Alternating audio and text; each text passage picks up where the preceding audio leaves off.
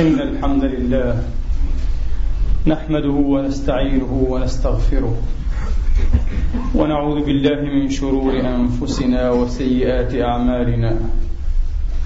من يهده الله فلا مضل له ومن يضلل فلا هادي له.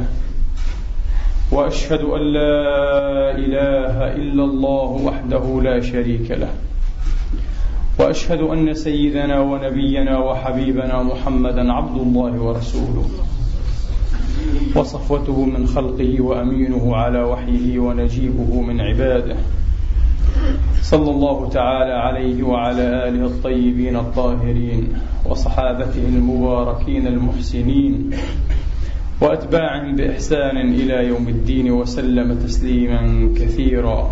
عباد الله أوصيكم ونفسي الخاطئة بتقوى الله العظيم ولزوم طاعته. كما أحذركم وأحذر نفسي من عصيانه ومخالفة أمره. لقوله سبحانه وتعالى من عمل صالحا فلنفسه ومن أساء فعليها وما ربك بظلام للعبيد.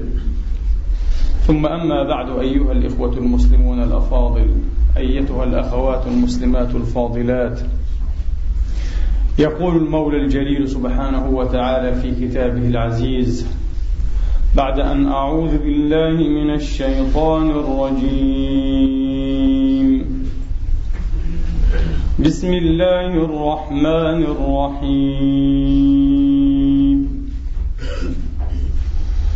ويقولون طاعة فإذا برزوا من عندك بيت طائفة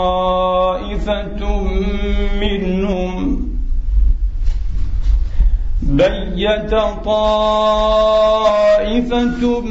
منهم غير الذي تقول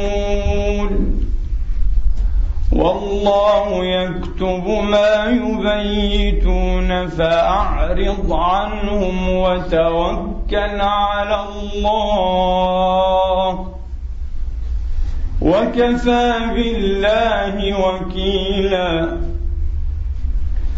أفلا يتدبرون القرآن ولو كان من عند غير الله لوجدوا فيه اختلافا.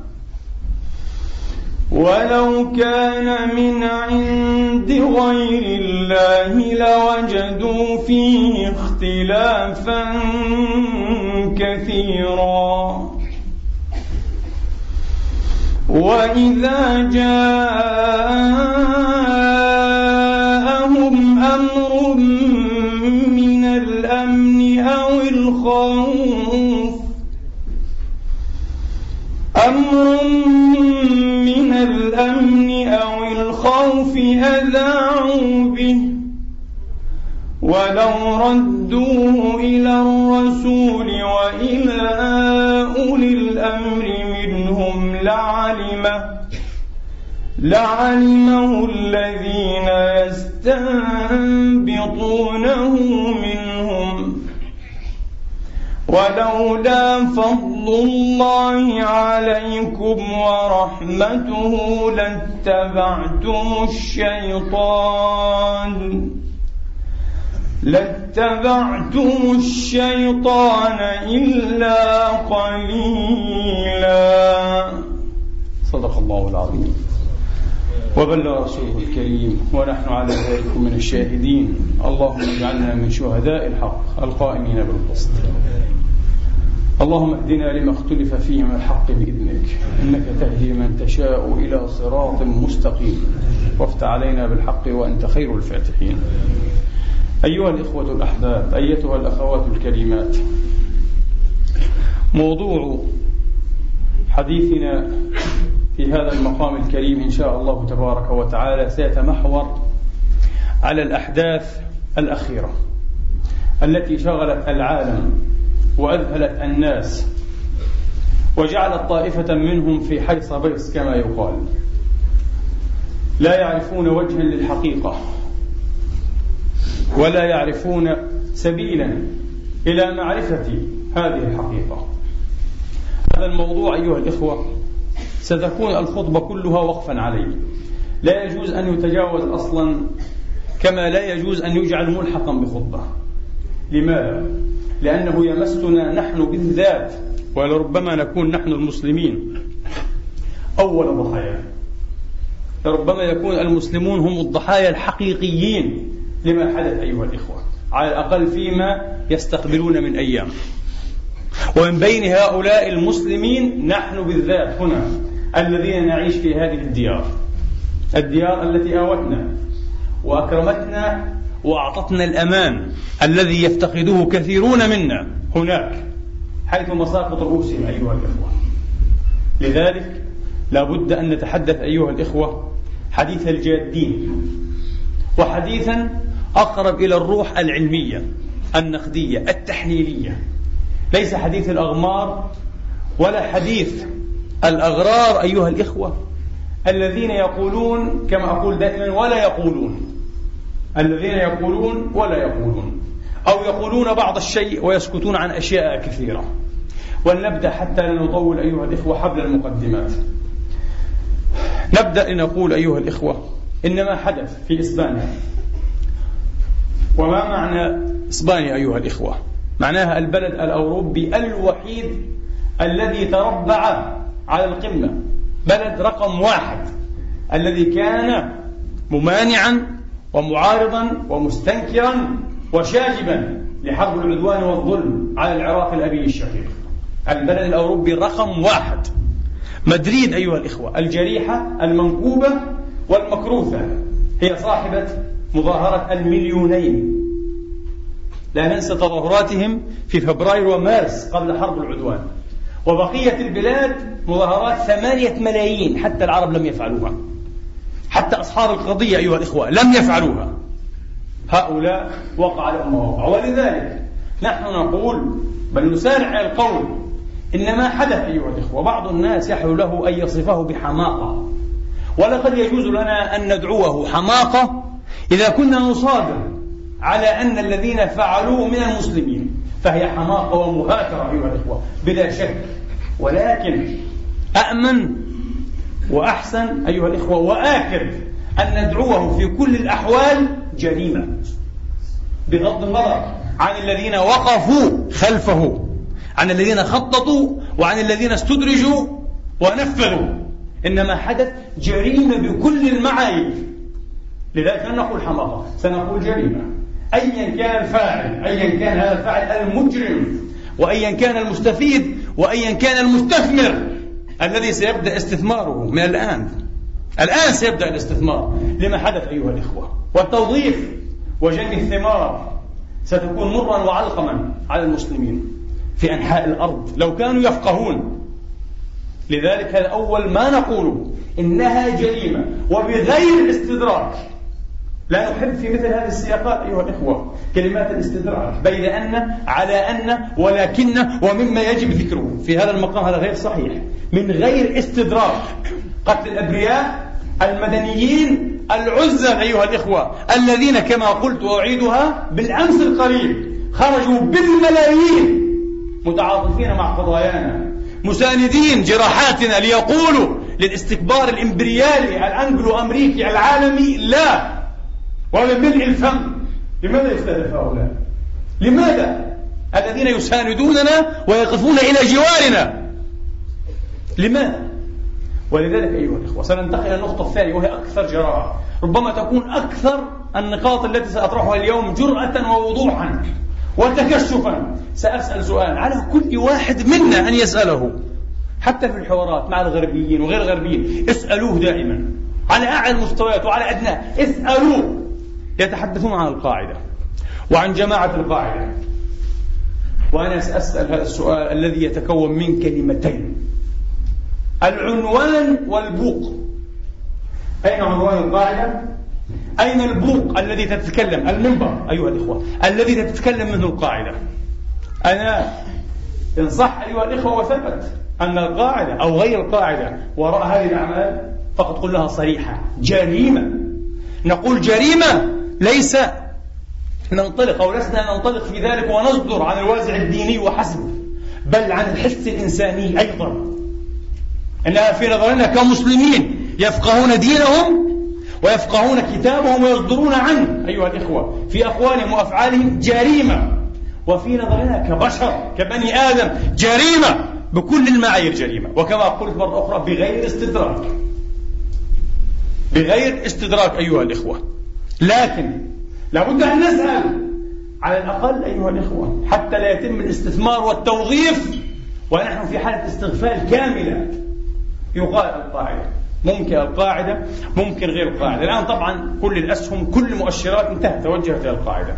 وكل الذين يتحدثون مثلي أيضا ويدينون هذه الجرائم كأنهم بلعوا هذا الطعم أو بلعوا هذه الفكرة وتأكدوا أنها القاعدة. عجيب هذا غريب جدا. لا ندافع عن القاعدة ولا نبرر هذه الجرائم. لكن من حقنا أن نسأل العنوان. أين عنوان القاعدة؟ من الذي يتحدث باسمها عبر أي بوق تستطيع أنت أستطيع أنا الآن أن نكتب منشورا وأن نرسله إلى جريدة. نضعه في سطح الزبالة في قارعة الطريق. باسم القاعدة. كيف تستطيع القاعدة أن تبرئ نفسها؟ أنها لم تكتب هذا. حتى إذا برأت من الذي يستطيع أن يجزم لنا أن الذي برأ هي القاعدة وليس غير القاعدة؟ دخلنا أيها الإخوة في مبارزة جهنمية لا أول لها من آخر. لا نهاية لأن القاعدة ليس لها عنوان. أين عنوان القاعدة؟ صحيح؟ كل جهة لها عنوان. لها متحدثون رسميون باسمها ولهم الحرية أيها الإخوة أن يستخدموا أبواقا معينة. لكن الذي أنا موقن به أيها الإخوة يقينا مطلقا وكاملا أن ليس للقاعدة بوق لا تستطيع. صدقوني لا تستطيع القاعدة الآن ضمن هذه الحرب الكونية على الإرهاب كما تسمى لا تستطيع أيها الإخوة أن تبرز لا شريطا متلفزا أو صوتيا ولا منشورا ولا بيانا ولا أي شيء. ومن ذا الذي عنده الجرأة أيها الإخوة أن يخدم القاعدة في هذا الميدان؟ الجزيرة؟ العربية؟ المنار؟ الفضائيات العربية؟ مستحيل. كل شيء تسمعونه كل شيء يقال أو يسمع بترخيص أمريكي نعم ليسمح لهذا الشريط أن يقال. ثم هل هذا الشريط شريط من القاعدة أو مدبلج؟ أبسط البرامج الآن أيها الإخوة برامج digital بسيطة جدا جدا تستطيع أن تحكي على لساني على لسانك ما تريد وبنبرة ولهجة لا يمكن لأذكى البشر.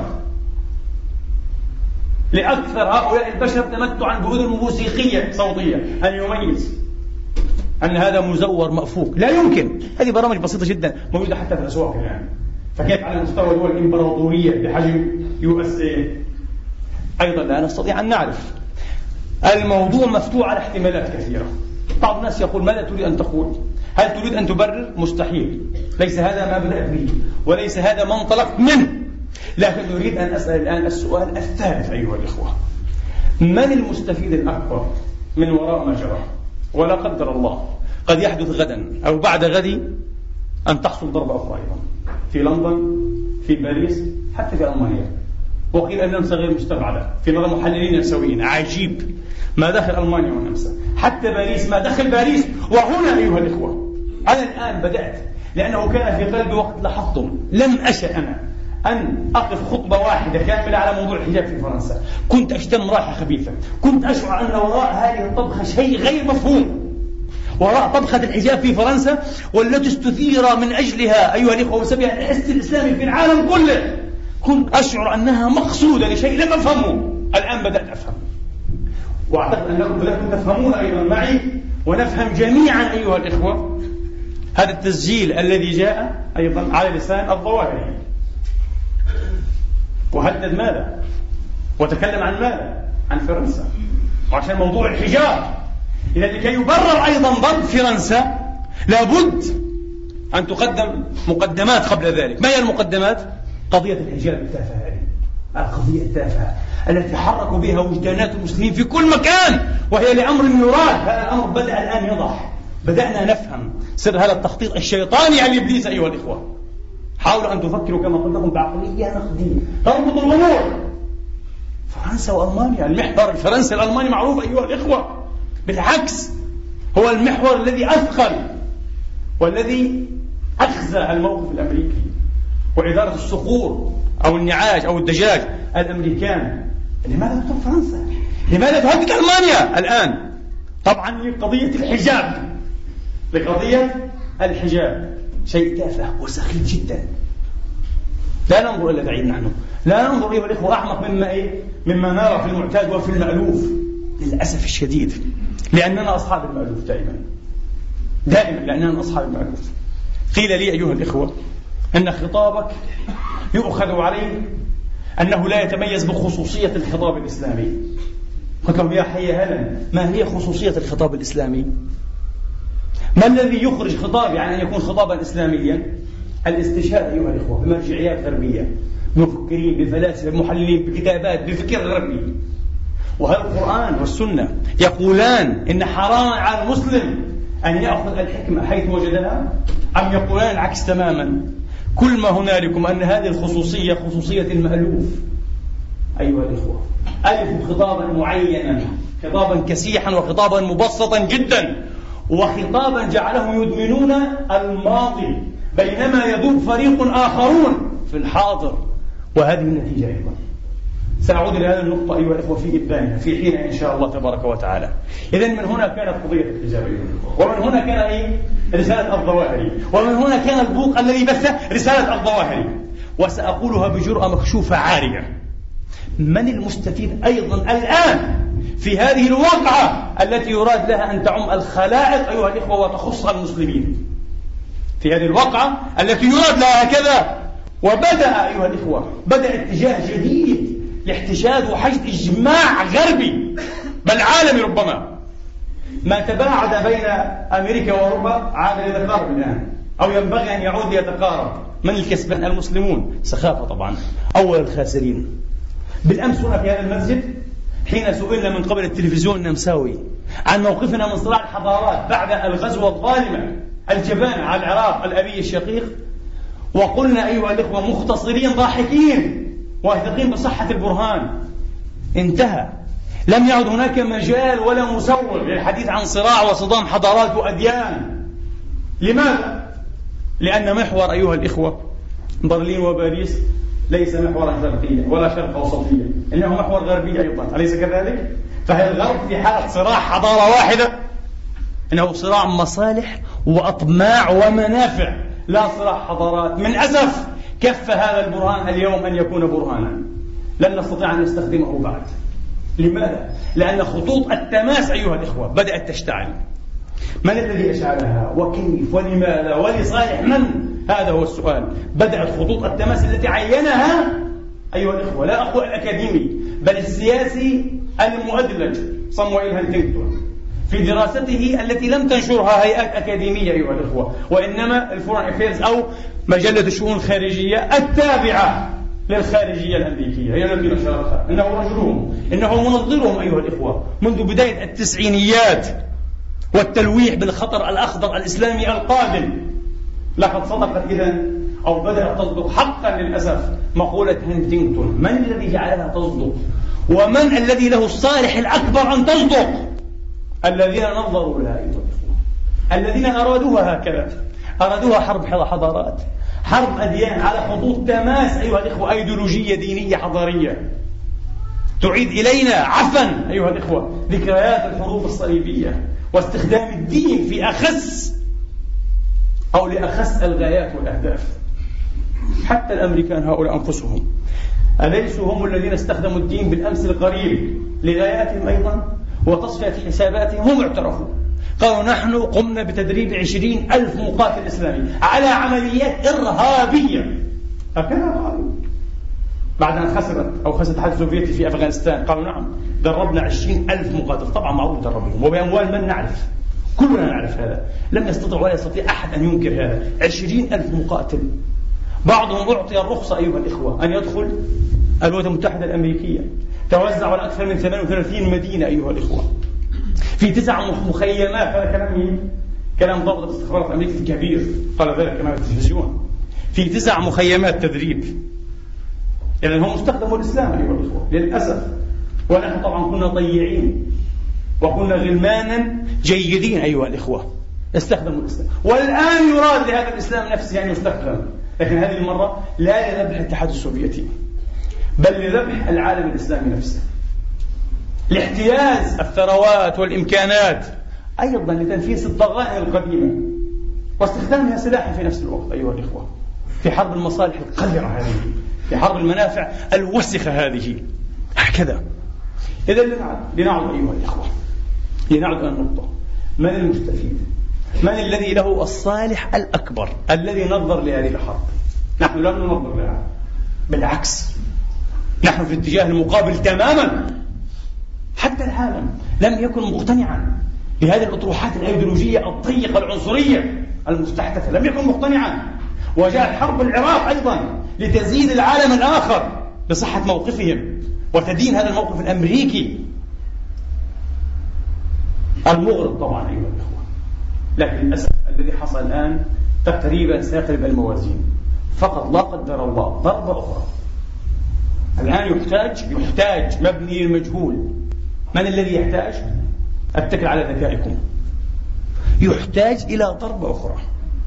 لتلتئم الحلقة الجهنمية أيها الإخوة. ربما تسقط دول نحن فقط هنا نتحسس أيها الإخوة. طبيعة الإنسان الغرزية آه طبيعة الإنسان الغرزية نتحسس مصالحنا. نهجس أيها الإخوة بمخاوف معينة. لكن ممكن تسقط دول أخرى أيضا كما سقطت العراق.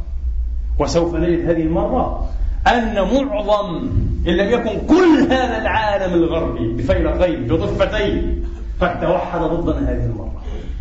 ومن غير رحمة. صدقوني لقد قرأت في هذه الأيام لفلاسفة ومفكرين أوروبيين ألمان وفرنسيين أحرار كبار كانوا يمتازون إلى وقت قريب بنبرة عقلانية ممتازة. تساندنا وتتعاطف مع قضايانا. انقلب الأمر أيها الإخوة 180 درجة. بدأوا الآن يتقمصون منطقا ضيقا عنصريا أيها الإخوة عصبيا مخيفا. نفس هؤلاء المفكرون نفسهم. بعد الذي حصل.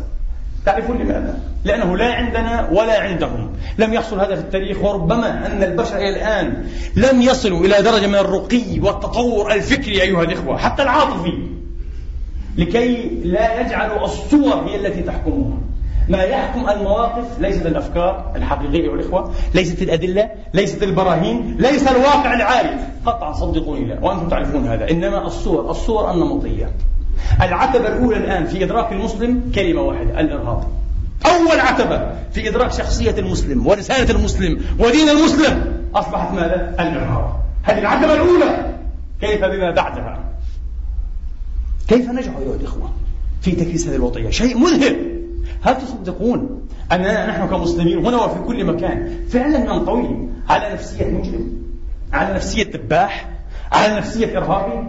طبعا نفسية دباح أيضا صورة نمطية مستعارة أيها الإخوة مستدعاة من زمن الحروب الصليبية. كرست فيما سمي من طرف بغزوة من هذا أيها الإخوة؟ غزوة غزوات. بضربة 11 أيلول سبتمبر. كيف كرست؟ لأنهم وجدوا سكاكين أيها الإخوة. مع الفاعلين. سكاكين. لماذا سكاكين؟ ممكن سكاكين بلاستيك. مقوى. سكاكين لماذا؟ يوجد هناك أسلحة رشاشة ممتازة. أسلحة كيميائية بيولوجية أشياء. ما خف إيه؟ حمله وعظم إيه؟ فتكه. لماذا سكاكين؟ لتكريس صورة نمطية. مستدعاة من الحروب الصليبية. صورة قطاعي الرؤوس.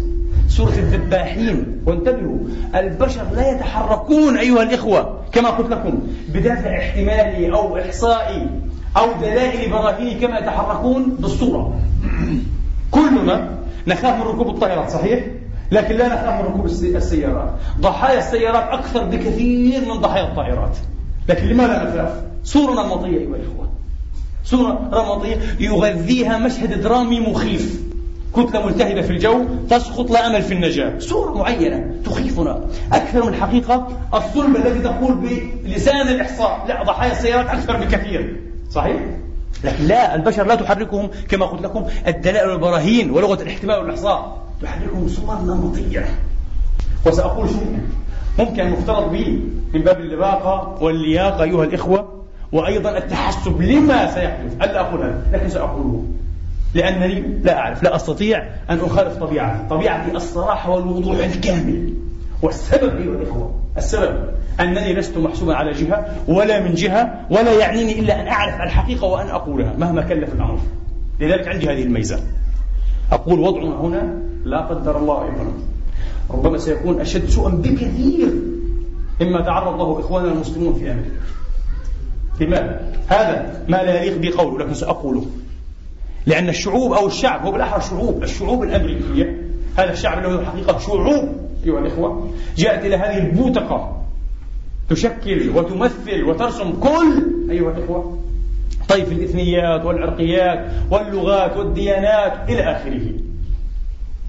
هؤلاء لم يكونوا أصحاب جذور حقيقية ولذلك لم يكونوا مشحونين بشحن كافية من العنصرية أيها الإخوة وأفكار الزمان الغابر المستدعى في الوقت الذي يخطط ويرسم له بخلاف الشعوب الأوروبية. للأسف هؤلاء مشحونون إلى حد كبير وكبير جدا. ولم يستطيعوا أن يتخلوا عن هذا.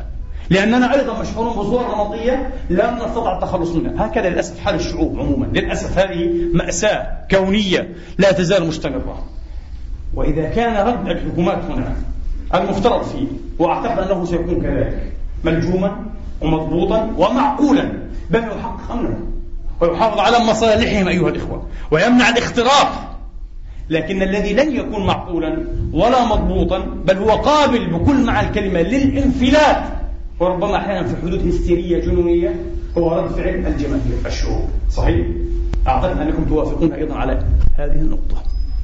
إذا من سيدفع فاتورة هذه الجرائم؟ لن أقول حماقات من باب الموضوعية أيضا في التشخيص والتوصيف.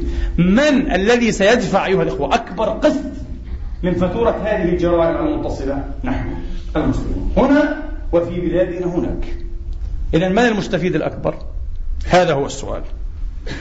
طبعا نحن أيها الإخوة أيضا لسنا من السذاجة والبلاهة أن نتجاهل حقيقة أنه ربما يكون قد تورط بعض الشباب الملتحين الإسلاميين الذين ينتمون إلى هذه الجهة أو إلى تلك. ممكن جدا هذا.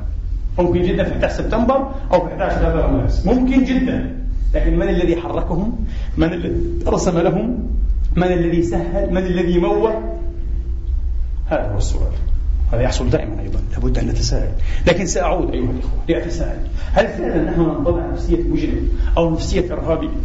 هل دين أيها الإخوة فعلا دين إرهابي يغذينا بهذه؟ المشاعر المريضة المعلولة الملتافه كم تبلغ نسبه هؤلاء؟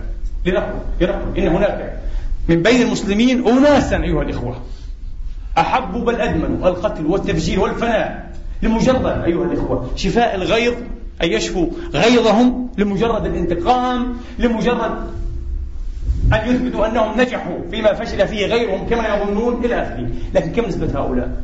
بالله عليكم. كم نسبة هؤلاء من بين مليار وربع مليار مسلم.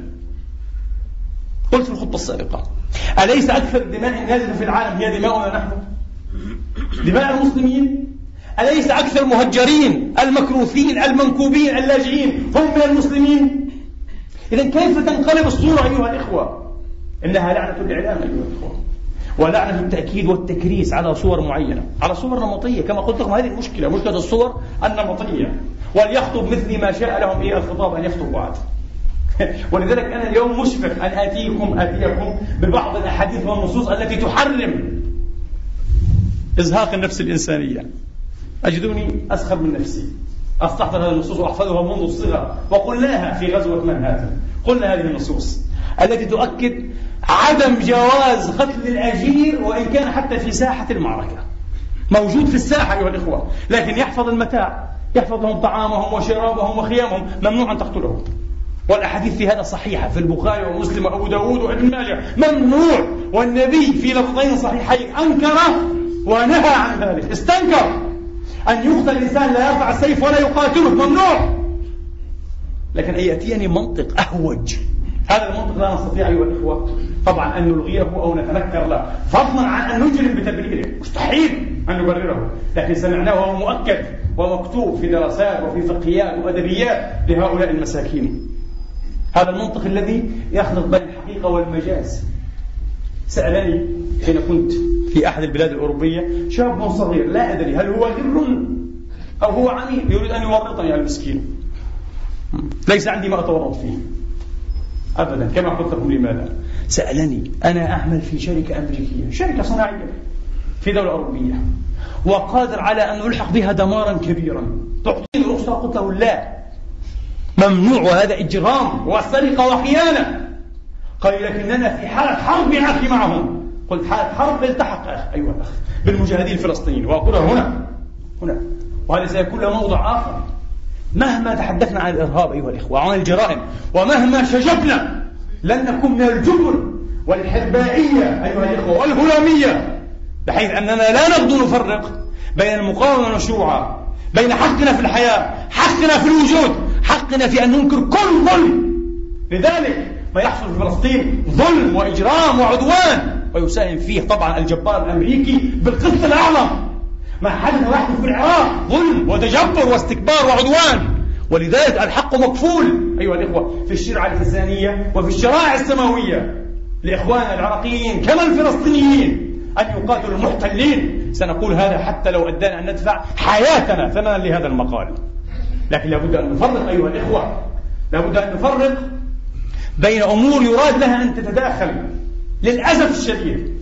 ثمن فادح نستفدحه ولنا الحق أن نستفدحه. سندفعه الآن وسترون ما هو؟ لن يغدو هؤلاء. أعني الرأي العام هنا الأوروبي بعد ذلك سيكف أن يكون متعاطفا بشكل أيها الإخوة مقبول في الحد الأدنى مع قضايانا مع مآسينا. لماذا؟ لأنه تقريبا سيفقد البوصلة الهادية ولن يفرق بين العادل من قضايانا وبين الفاشل الخاسر الخائب من قضايانا. سيرى أن هذه أمة كما قلت لكم وبحكم الصور النمطية أمة لا تستحق العيش. ويجب أن تعالج بأسلوب آخر. قال هذا فلاسفة كبار كما قلت لكم. عقلانيون. يجب أن تعالج بأسلوب آخر. أسلوب ماذا؟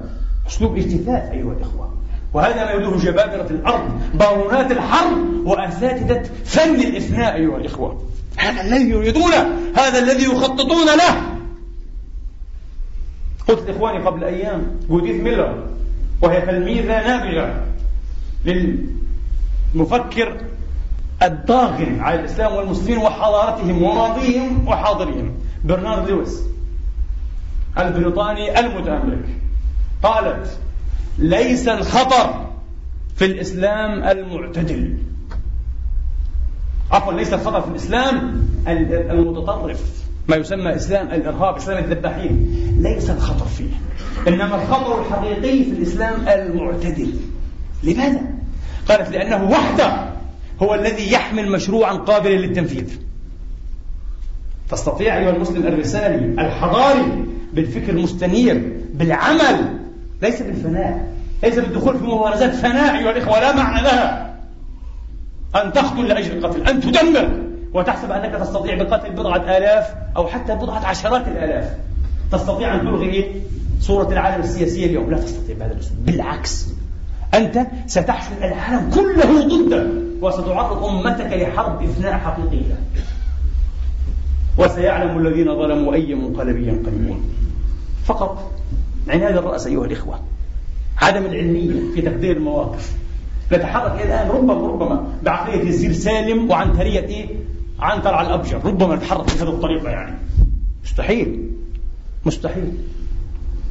يوم كان الميزان متقاربا جدا أيها الإخوة بيننا وبين هذا الغرب قبل مئات السنين استمرت الحروب الصليبية أكثر من قرنين.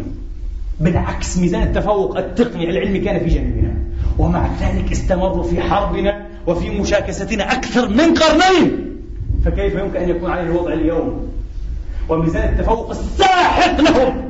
ونحن ليس عندنا شيء إلا هذه العمليات أيها الإخوة المنفلتة التي تفتقر إلى المنطق أصلا لكي تكون مفهومة لكي تكون مدركة قابلة لأن تعى لأن تفهم لها أهداف حقيقية. تخدم. للأسف لا تخرب ولا تضيع. وتجعل الفوات الحضاري أيها الإخوة تطول آماده وأزمانه علينا فوق ما طالت وفوق ما استمرت. هكذا. إذا أيها الإخوة لا بد أن ننظر لهذه القضية نظرة منصفة. غدا كما تعلمون نحن مدعوون جميعا إن شاء الله إلى الخروج في تظاهرة ضد الاحتلال الصهيوني لفلسطين الأمريكي الإمبريالي الجديد للعراق. إذا كانت وأنا سأقول لكم تقويم الشخصي وجهة نظر. إذا خرجت التظاهرة في هذه الحدود ستكون فاشلة تماما. ربما تتعرضون غدا للبساط أيها الإخوة للسب اللعن ترمى عليكم زجاجات أو دوزات لأنكم لم تتعلموا إذن سيقولون لا لم تتعلموا أن تبكوا على ضحايانا وتستدرون الدموع منا أن نبكي على ضحاياكم لن يقبل هذا منا انتبهوا لذلك دعوة مفتوحة مني هنا أن تجعل واجهة التظاهر غدا. وصدقوني غير مدرك وغير واعي فيه الكفاية من يخطب هذا التوجه. غدا أيها الأخوة الأولوية للضحايا الأبرياء في مدريد. ليس ضحايا فلسطين ولا ضحايا العراق. رقم اثنين رقم ثلاثة رقم واحد ضحايا مدريد. وأنا أنصحكم سأقول وأجري على الله دون أن أستشير أحدا. وجهة نظري أنا لا أعطي فتاوى هنا وجهة نظر من الله يخرج. فليعد اليوم صورا؟ يستخرجها من الكمبيوتر من أي وسيلة بأي وسيلة؟ لضحايا مدريد ويكتب عليها لا للإرهاب لا للجريمة ويحملها غدا في الشوارع. ولا أدري لما هذا الصمت المريب الغبي العاجز إلى اليوم في عواصم العرب الذين ربما غدا سيدفعون إيش؟ أيها الإخوة دولهم ثمنا لما يحدث. مساكين هؤلاء.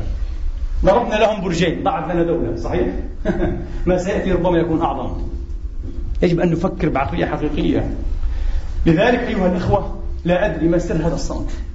لماذا أغبياؤنا أعني حكامنا هكذا؟ لماذا أغبياؤنا أيها الإخوة لم يضغطوا على الشعوب الضيعة ما شاء الله المؤدبة جدا أن تخرج وستستجيب؟ الشعوب الآن أيها الإخوة في حالة هلامية حالة تغبيش. لا تفهم. الغربي مباشرة. الغربي مباشرة. سيفسر هذا الصمت المريب على أنه مباركة ضمنية للإرهاب في مدريد. يسكتون لأنهم شامتون هكذا. طبعا لا أنكر أنه ربما تكون هناك نسبة ضئيلة جدا جدا جدا. تبارك ما حدث. في إطار المعركة الشاملة.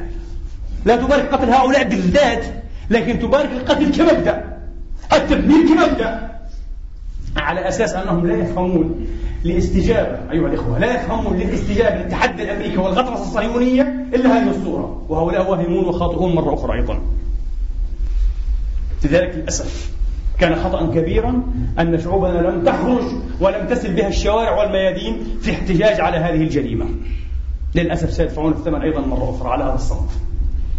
إذا بعد ذلك أيها الإخوة سنخسر هذا مؤكد. سنخسر قطاعات كبيرة ممن كانوا يتعاطفون مع قضايانا. سيكفون أن يتعاطفوا بعد ذلك مع قضايانا. ستضيق الحلقة لا شك. سنكون واهمين إذا تأملنا في شيء مخالف ستضيق الحلقة لا شك على المسلمين هنا بالذات وعلى المسلمين في العالم. وكما قلت لكم سيتقارب ما تباعد بين الموقفين الأوروبي والأمريكي. سيعود الود الآن. وهناك أناس طبعا يصطادون في الماء العكر الآن. أو المياه العكرة ويدعون إلى ذلك. ولذلك بوش الآن اهتبى لها فرصة. أنا متأكد هو سعيد جدا بما حصل. بعض الناس فقط يؤكد إيه أو يضع نظره على أزنار. أزنار ورقة احترقت أيها الإخوة. استنفذت في الأغراض منها. انتهى أزنار. حزب أزنار. ليست هذه القضية. القضية أن بوش يريد توسيع رقعة الحرب أيها الإخوة. والآن بدأ يكسب ماذا؟ الفيلق الأوروبي. أكبر مكسب. أعظم مكسب له. نحن كسبنا من؟ خسرنا نحن. لم نكسب شيئا.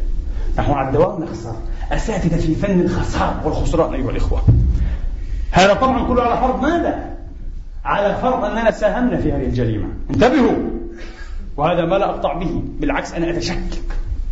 أتشكك كثيرا. لكن لا أتشكك كما قلت لكم أن هناك أفرادا.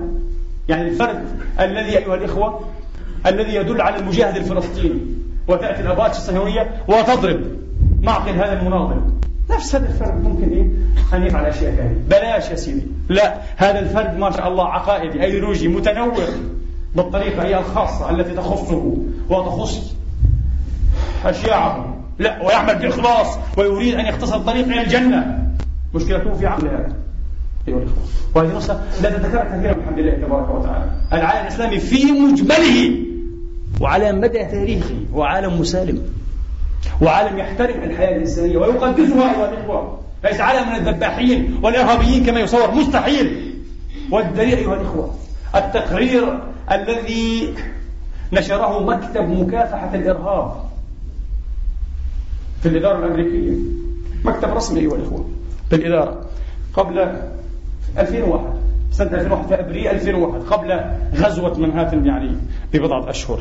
هذا التقرير اسمه نماذج الإرهاب 2001 هكذا اسمه. نماذج الإرهاب 2001 ماذا قال؟ قال الإرهاب في السنوات الخمس الماضية من 95 إلى 2000 أكثر شيء تركز في أمريكا اللاتينية. مش في الشرق الأوسط. في أمريكا اللاتينية. أكثر شيء أيها الإخوة. ثم في أوروبا. ثم في أفريقيا. ثم في آسيا. ثم في الشرق الأوسط. هكذا. الحمد لله. أقل النقاط نحن في النجاح الإرهابي أقل شيء باعترافهم هم. هم يعرفون ذلك. في سنة واحدة أيها الإخوة ومن بين يقول التقرير نماذج الإرهاب 2001 هكذا اسمه يقول التقرير من بين 200 عملية ضد المصالح الأمريكية في العالم 187 عملية في أمريكا اللاتينية. أكبر مكان للإرهاب. وأما في الشرق الأوسط عمليتان فقط. هكذا. إذا الإرهاب الشرق أوسطي العربي الإسلامي سموه ما شئتم أن تسموه إرهاب قزم إرهاب صغير إرهاب حقير إرهاب لا يخوف أيها الإخوة ولا يفزع لكن أريد له أن يكون بعبعا نفخ فيه. تأتي نيوز ويك أيها الإخوة؟ قبل غزوة منهاتن قبل ضربات 11 سبتمبر أيها الإخوة بأشهر أعتقد بشهرين ثلاث أشهر وتنشر ملفا كاملا عن القاعدة وابن لادن وأنهم يمتلكون أسلحة جرثومية بيولوجية بل وأسلحة نووية ذرية محمولة في شنط Samsonite أفلام هوليوود.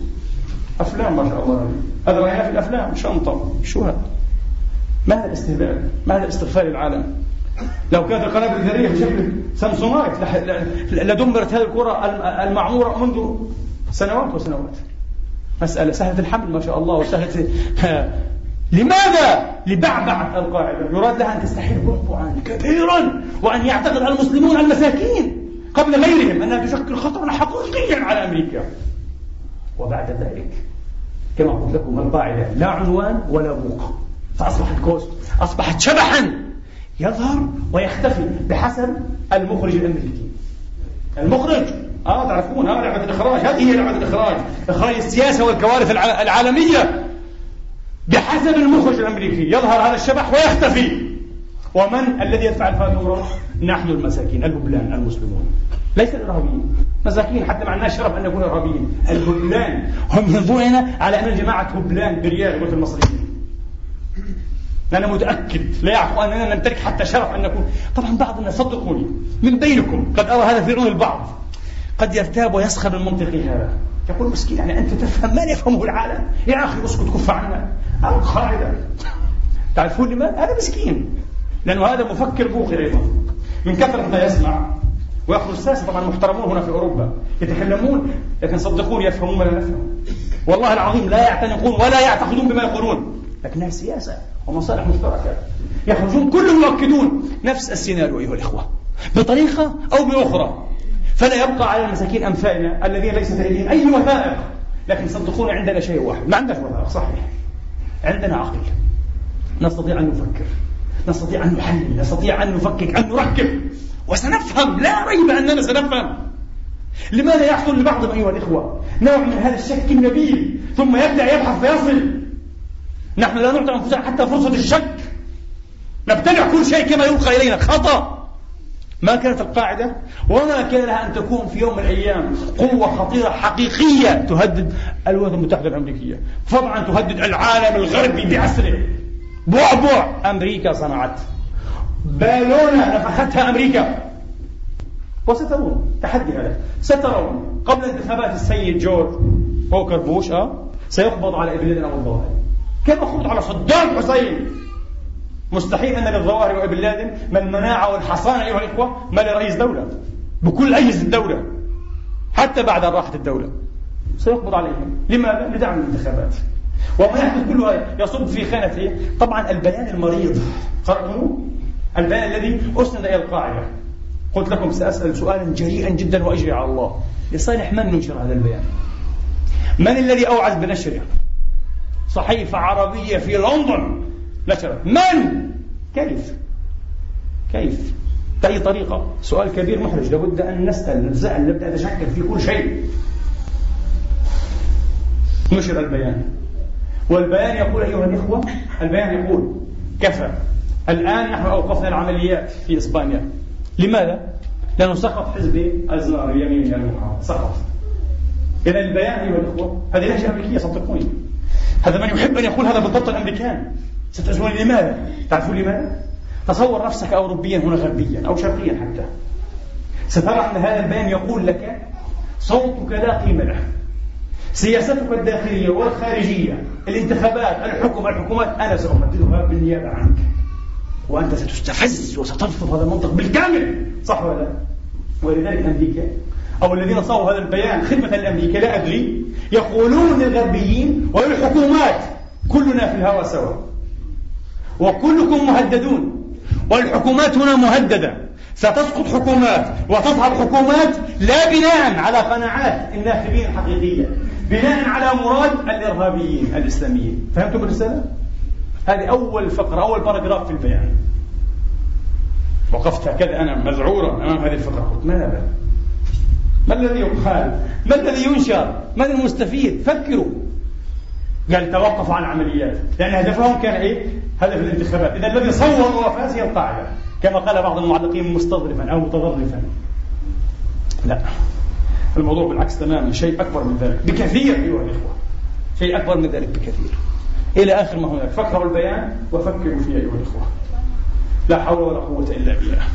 ماذا علينا أن نفعل هنا نحن كمسلمين؟ هذا سيكون سؤالنا. جميعا. ماذا ينبغي علينا أن نفعل؟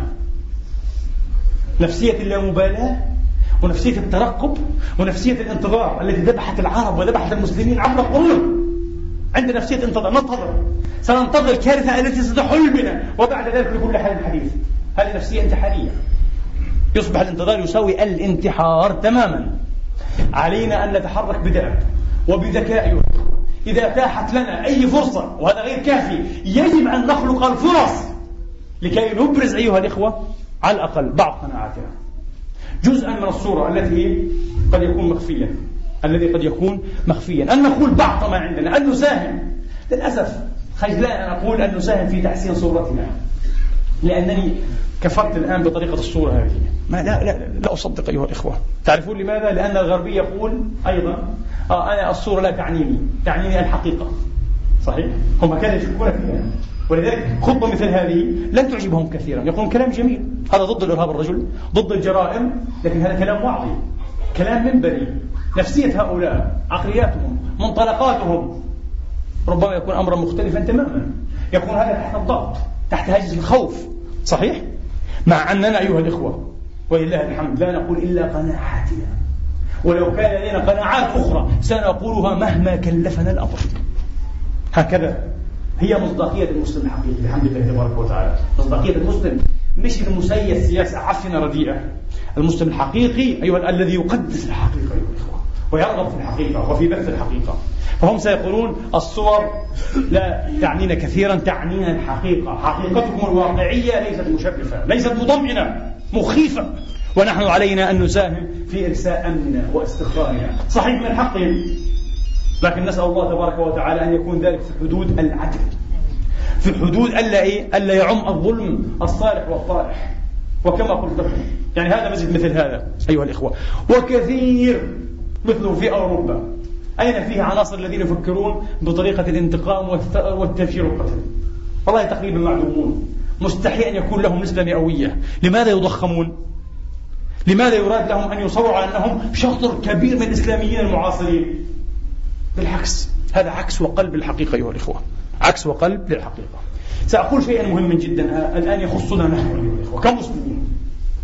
لو سأل سائل هل تستبعد يا أخي أن الذي يستسهل إطلاق دعاوى وألقاب التبديع والتشريك والتكفير والردة على عباد الله المسلمين ومن بينهم علماء فضل وفقهاء يعني عالم وفقيه في حجم الدكتور قرضاوي حفظه الله يقال عنه الكلب العاوي. منطق فكر ديني فكر إسلامي فكر مجاهد. الكلب العاوي يوسف القرضاوي.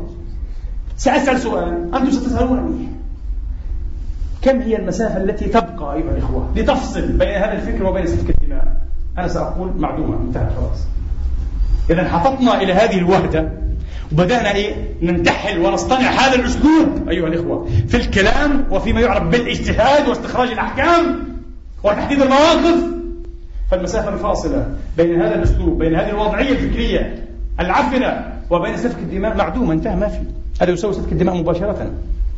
لذلك هذا الفكر خطر جدا جدا. لكن لو عدنا من غير أيضا إيه؟ هاجس التبرير أيها الإخوة. لننبش لنحفر اركيولوجيا ونسأل. كيف تم ذلك؟ من أجل ماذا طيب؟ كيف برز أو برز أمثال هذه الاتجاهات؟ التحرير القريب أيها الإخوة وهو صحيح نسبيا لكنه ليس صحيحا إيه؟ تماما. يقول الظروف. استعمار فلسطين الانحياز الأمريكي بالذات أو البريطاني لإسرائيل انحيازا مطلقا غير مشروط.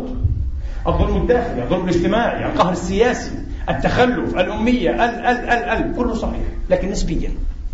هناك سبب أعمق وأبعد أيها الإخوة. وأكثر إيه؟ يعني انحدارا في التاريخ. وهذا السبب مسؤول عنه الاستعمار الاجنبي أيضا. مش تبرير هذا حقيقة. المستعمر هو الذي شاء أيها الإخوة أن يصيب العقل المسلم بالانقسامية بالفصام. فصم العقل المسلم. العقل المسلم كان عقلا انسانيا عقلا طبيعيا. عقل إنسان طبيعي أيها الإخوة يمارس حياته ومعاشه على هدى إيه؟ من دينه. تكامل بلا شك. يمارس حياته يعيش عصره يبني حضارته. يرسخ أسس العمران بهدي أيها الإخوة من دينه تكامل هذا مطلوب ويوم كنا كذلك على الأقل استطعنا حضارة عالمية ثابت بضعة عشر قرنا لكن العقل المسلم اليوم ما هو؟ عقل منفصل عقل متناحر عقل متآكل متناقض ومتناكب متشاكس من الذي فصمه؟ من الذي ضربه؟ كيف كانت الخطة؟ وما هي الغاية؟ الخطة كانت أيها الإخوة نعم. أن ينشأ أجيال. الآن؟ هذه الخطة فاعلة تماما وصحيحة أجيال. على العلوم الدينية واللغوية فقط. ما شاء الله. يعرف الأصول والحديث والفقه ويعرف الطبراني ويعرف ابن تيمية ويعرف فلان وعلان ممتاز. ماذا يعرف عن عصره؟ عن علوم عصره؟ تقريبا صفر. حين تسمعه يتحدث عن عصره أو وضعية عصره أنت تضحك من الأعماق. إذا كنت مثقفا حقيقيا. تضحك من الأعماق. وهو بروفيسور أستاذ الدراسات الفلانية في الجامعة الإسلامية الفلانية. تضحك أنت. إنسان في الخمسين في الستين يتحدث يصدر عن مثل هذه السذاجة الفكرية في فهم العالم. طبعا من أين؟ كل أنام بالذي فيه ينضح المسكين أدمن الماضي. أدمن الماضي. ليس عنده عيون أيها الإخوة تنتسب من العصر ليرى بها العصر. هو يرى العصر بعيون ابن تيمية. وبعيون الطبري والطبراني وفلان وعلان. فقط هذا هو. هكذا نشئ المسكين. وهذه كانت خطة الاستعمار. تذكروا الاستعمار كان واعيا وهو الذي خطط ونفذ هذه الخطة السوء. وتعرفون منهج دلو في مصر وغير مصر. خطة إنجليزية واضحة كانت. وفي المقابل أناس أيها الإخوة يذوبون في الحاضر يتعلمون الفيزياء والكيمياء والسياسة والجيوبوليتيك والاستراتيجية والتاريخ إلى آخره آخره ولا يعون شيئا من مشخصاتهم الحقيقية. في حالة انبتات كامل عن دينهم عن محدداتهم عن شخصيتهم عن هويتهم عن تراثهم. وهكذا نشأ لدينا عقل مسلم منفصل متناحر.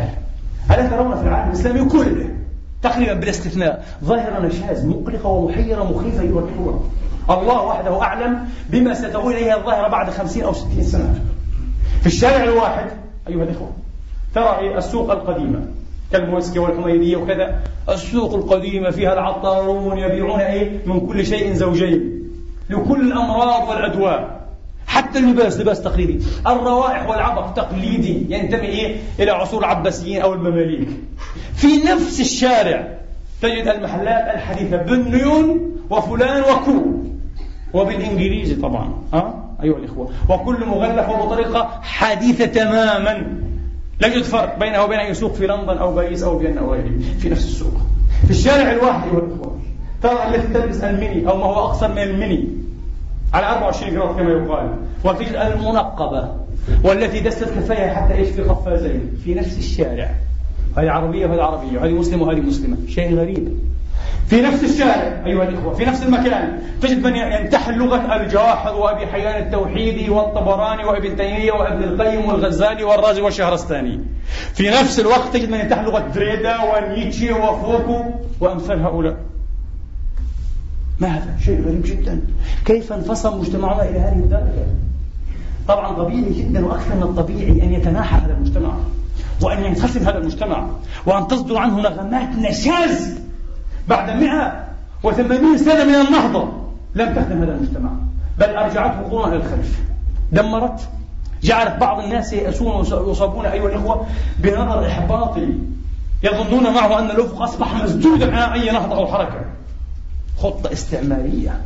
ولذلك نصيحة أيها الإخوة لنفسي ولإخواني إذا أردنا أن نخرج قليلا طبعا هذا ليس حلا كاملا هذا حل فقط لهذه الجزئية أو معالم حل أو مقترح حل سموه كما شئتم.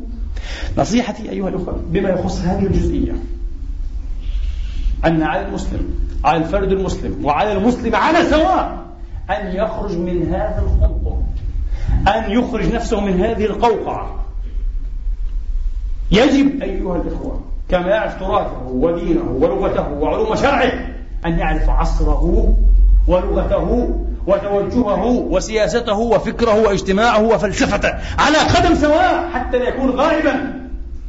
وإذا حدث له هذا التوازن بلا شك أيها الإخوة بلا شك أن هويته نفسها لن تصبح عملا في التفجير أو التعجيز أو التدوين في نفس المكان وإنما ستصبح هوية متسعة جدا. إذا عملنا بسعة الإسلام ومرونة وعظمة الإسلام فستصبح هذه الهوية قادرة حتى على استيعاب الآخر على تقبله على تفهمه على التعاطي معه بهدوء بهدوء بهدوء. نحن الآخر أيها الإخوة ضمن نفس الدائرة كما قلنا يعني قرضاوي آخر صحيح؟ بس كلب عاوي أستغفر الله من هذه الأوصاف. كلب عاوي غير قادرين على استيعابه أصلا. رجل يحفظ كتاب الله وقدرا كبيرا من سنة رسول الله وقضى حياته كلها في خدمة هذا الدين هو كلب في الأخير. عاش داعي ويموت كلبا. مصيبة. مصيبة أيها الإخوة. يجب أن ندرك أن هناك خللا حقيقيا في ساحة المسلمين في ساحة الإسلاميين في ساحة الفكر الإسلامي. سببها ضيق الأفق كما قال الشاعر الصوفي قديما وليس لشيء كامن جوف صخرة سواها أرض ولا سماء يقرأ بابا من الأبواب. يقرأ تحليلا لفقيه قديم يريد أن يعيد تشكيل وصياغة العالم المعاصر كله بشرقه وغربه حسب فهمه ما شاء الله ويكون سعيدا جدا بنفسه. بعضهم قال لي كالمسفر لهذه الأفكار. قال لي حتى ها طالبا. ها هم. كان منهم وزير الصحة وزير الخارجية وزير التعليم وزير الإعلام وهم شيوخ. وما درسوا هذه الدراسة الحديثة. قلت له ولديك ما شاء الله نجحوا واستطاعوا أن يقيموا على أرض طالبان نموذجا حضاريا راقيا حضارة إسلامية. مسكين. مساكين هؤلاء الذين ينتحلون هذه الطريقة. لأنهم للأسف نفس الداء. لأنهم أيها الإخوة بحكم قصر النظر وضيق العطن المدى الذي يعطونه الإسلام ليتحرك فيه هو هذا المدى الدراويشي. ترخي لحية تعمل عمامة تقيم الحدود تعتمر أو تضع حجابها وهذا منتهى المراد من رب العباد. هذا الدين. هذا الدين؟ هذا الدين إذا استمر على هذا الطريق أيها الإخوة بلا شك سيجعلنا في أسفل سافلين. وسنكون دائما نحن الأدنيين والمستضعفين وتضربنا الحالية والعاطلة. صحيح؟ قبل أيام أيها الإخوة أيضا من آخر الإحصائيات والمعلومات. كوريا الجنوبية في 30 سنة تسجل في أمريكا وحدها 1650 براءة اختراع. كوريا الجنوبية والعالم العربي 300 مليون. كله يسجل في نفس الفترة كم؟ أقل من 40 اختراعا. مرحلة مرحلة مرحلة لهذا العالم. مرحلة لهؤلاء الأشاوس الأساتذة الذين يريدون أن يقودوا العالم. أن يعلموا البشرية أساتذة الدنيا يقولون عن أنفسهم. كيف؟ بهذا التخلف. نحن أزرينا على أنفسنا. ولذلك هنا أيضا ولهذا حديث آخر أيضا. لن نبرئ الحكام الفاشلين أيها الإخوة الذين أفشلوا قضايانا وأرخصوا دماءنا. وساهموا أيضا ساهموا. لا أقول كل العلة منهم وكل الذنب عليهم لكن ساهموا مساهمة كبيرة وأي مساهمة؟ في جعلنا نصل إلى هذه الوهلة الزرية مهاتير أو محاضير محمد أيها الإخوة الطبيب السياسي رجل الدولة. مشروعه كان واضحا تماما. إذا أردت أن لا تترك فرصة للأفكار الهستيرية للأفكار المتشنجة للاتجاهات المتطرفة ماذا تفعل؟ اخدم دنيا الناس. اخدم واقع الناس. وبهدي وبهدى من الإسلام. ما الذي حصل في ماليزيا؟ أكثر دولة إسلامية تشرف كنموذج أيها الإخوة للنجاح الإسلامي. ما الذي حصل؟ تراجع ما يعرف بالأصوليات أيها الإخوة. من 30% إلى 7% من غير سفك دماء ومن غير حروب ومن غير تكفير. لماذا؟ في نموذج حضاري لم تفلح ولن وما كان لها أن تفلح طالبان بطريقتها في التفكير أن تنشئ مثله على الأرض. لكن محاضير محمد وإخوانه نجحوا. صحيح؟ نجحوا. تراجعت تلقائيا. طبيعة الأمور طبيعة الأمور. الله يقول عن الإنسان خليل الرحمن إبراهيم صاحب الدعوة التوحيدية أيها الإخوة. أبو الأنبياء التوحيديين يقول ربنا ليقيموا الصلاة فاجعل أفئدة من الناس تهوي إليهم وارزقهم من الثمرات يا رب أخذ لهم معاشا لائقا بهم اكفهم ضروراتهم أعطهم كفايتهم وسوف يقوم إيه؟ عمود الدين لكن إذا لم تنجح في خدمة دنيا الناس حياة الناس تؤمن معايش الناس ما الذي سيحصل؟ سيصبح الدين هستيريا كهكذا وسوف نرى جيلا من الترزية الخياطين ترزية الإسلام. كل واحد يفصل الإسلام على على هواه. ويقول لك هذا هو الإسلام وهذه نقطة البدء وهذا هو الحل. وسوف تصبح أمة في حالة جنون جماعي كما هو الآن. حالة جنون اشتباك جماعي للعقل المسلم أيها الإخوة. فإذا أردنا نقول هؤلاء الحكام الفاشيين العاجزين الدمى وليسوا حكام ولا زعماء والله هم دمى يتحركون ويحركون. أه؟ هؤلاء الدمى لو أرادوا فعلا أن يحاربوا ما يسمونه بالإرهاب وبالتطرف وبالجهل وبإلى آخره ليكونوا صادقين ونظيفين وواعين وليقيموا للناس دنياهم ومعائشهم وسوف نرى بعد ذلك ما الذي يحدث. سوف يتنفس الإسلام في جو نظيف وجو آمن مستقر وحينئذ سيقال أما الزبد فيذهب جفاء وأما ما ينفع الناس فيمكث في الأرض. صدقونا أيها الإخوة. فنجربها حتى في حدود إيه؟ تجمعات ضيقة جدا جدا. يوم يكون الكلام المجال عفوا مفتوحا فقط على مصراعيه للتنظير والكلام والتحليل الوصفي والنظري الكل أساتيذ الكل عباقرة وطبعا لكن عبقريتهم لا ترقى. عبقرية الواحد منهم لا ترقى إلى حد أنها تستطيع تكون على الأرض. لا عبقريات متنافرة. تبدأ متنافرة وتنتهي متنافرة. لكن يوم إيه؟ يعطى المجال للعمل للإنجاز على الأرض. لا يتقدم إلا من يحسن ولا يستمر ولا ينجز إلا إيه؟ من عنده قدرة على العمل والإحسان. وأما أصحاب الكلام ولذلك النبي لخص الحركة الاجتماعية الحضارية بأسلوب النبوي المعجز حين قال إذا أراد الله بقوم سوءا ماذا يعطيهم؟ وماذا يسلب منهم؟ أه؟ يعطيهم الجدل ويحرمهم العمل. يصبحون منظرين أساتيد كله أساتيد كلام. يعرفون كل شيء عمل ما فيه إنجاز على الأرض ما فيه. نحن نريد أيها الإخوة وندعو إلى إسلام رسالي حضاري ينجز ويعمل حقيقة. هنا كما في بلدنا في كل مكان حقيقة. لكن هذا الإسلام الحضاري الرسالي أيها الإخوة ليس فيه مكان ليس في قاطرته مكان للعجزة للقوالين أيها الإخوة لأصحاب الترف لأصحاب التساري الفكرية. أيضا ولضيقي النفوذ بالعكس للمتنورين الجادين أه؟ الذين يريدون أن يعملوا وأن يضيفوا. نسأل الله تبارك وتعالى أن يجنبنا وأن يجنب أمتنا المرحومة. ما يمكن أن يقع لها من شر. وأن يدرأ عنها الذين يتربصون بها الدوائر وأن يدير عليهم دائرة السوء. إنه ولي ذلك والقادر عليه. أقول هذا القول وأستغفر الله لي ولكم فاستغفروه.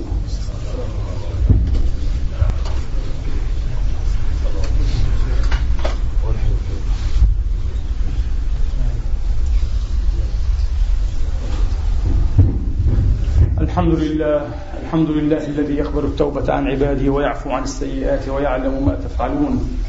ويستجيب الذين آمنوا وعملوا الصالحات ويزيدهم من فضله. والكافرون لهم عذاب شديد. وأشهد أن لا إله إلا الله وحده لا شريك له. وأشهد أن سيدنا محمدا عبده ورسوله صلى الله تعالى عليه وعلى آله الطيبين وصحابته المباركين. وأتباعهم بإحسان إلى يوم الدين وسلم تسليما كثيرا. اللهم إنا نسألك أن تهدينا وتهدي بنا. اللهم اجعلنا مفاتيح الخير مغالق للشر. اللهم إنا نسألك أن تغفر لنا في مقامنا هذا كل ذنب أذنبناه وكل خطيئة أخطأناها يا رب العالمين. اغفر لنا ما قدمنا وما أخرنا وما أسررنا وما أعلنا وما أسرفنا وما أنت أعلم به منا. أنت مولانا فنعم المولى ونعم النصير. اللهم من أرادنا بسوء فأرده. ومن أرادنا بكيد فكده اللهم اكفنا شرورهم بما شئت كيف شئت إلهنا ومولانا رب العالمين. اللهم أدر دائرة السوء على الذين يعادون دينك وأولياءك ويحادون عبادك الصالحين فإنهم لا يعجزونك. أرنا فيهم تعاجيب قدرتك يا رب العالمين. اللهم انصر إخواننا في كل مكان. اللهم انصر عبادك المجاهدين في فلسطين وفي العراق وفي كل مكان يا رب العالمين. اللهم اغفر لنا ولوالدينا وارحمهم كما ربونا صغارا. اجزهم بالإحسان إحسانا وبالسيئات غفرانا. واغفر اللهم للمسلمين والمسلمات المؤمنين والمؤمنات الأحياء منهم والأموات. بفضلك ورحمتك إنك سميع قريب مجيب الدعوات. عباد الله إن الله يأمر بالعدل والإحسان وإيتاء ذي القربى. وينهى عن الفحشاء والمنكر والبغي. يعظكم لعلكم تذكرون. اذكروا الله العظيم يذكركم واشكروه يزدكم وسلوه من أفضاله يعطكم وقوموا إلى صلاتكم. والحمد لله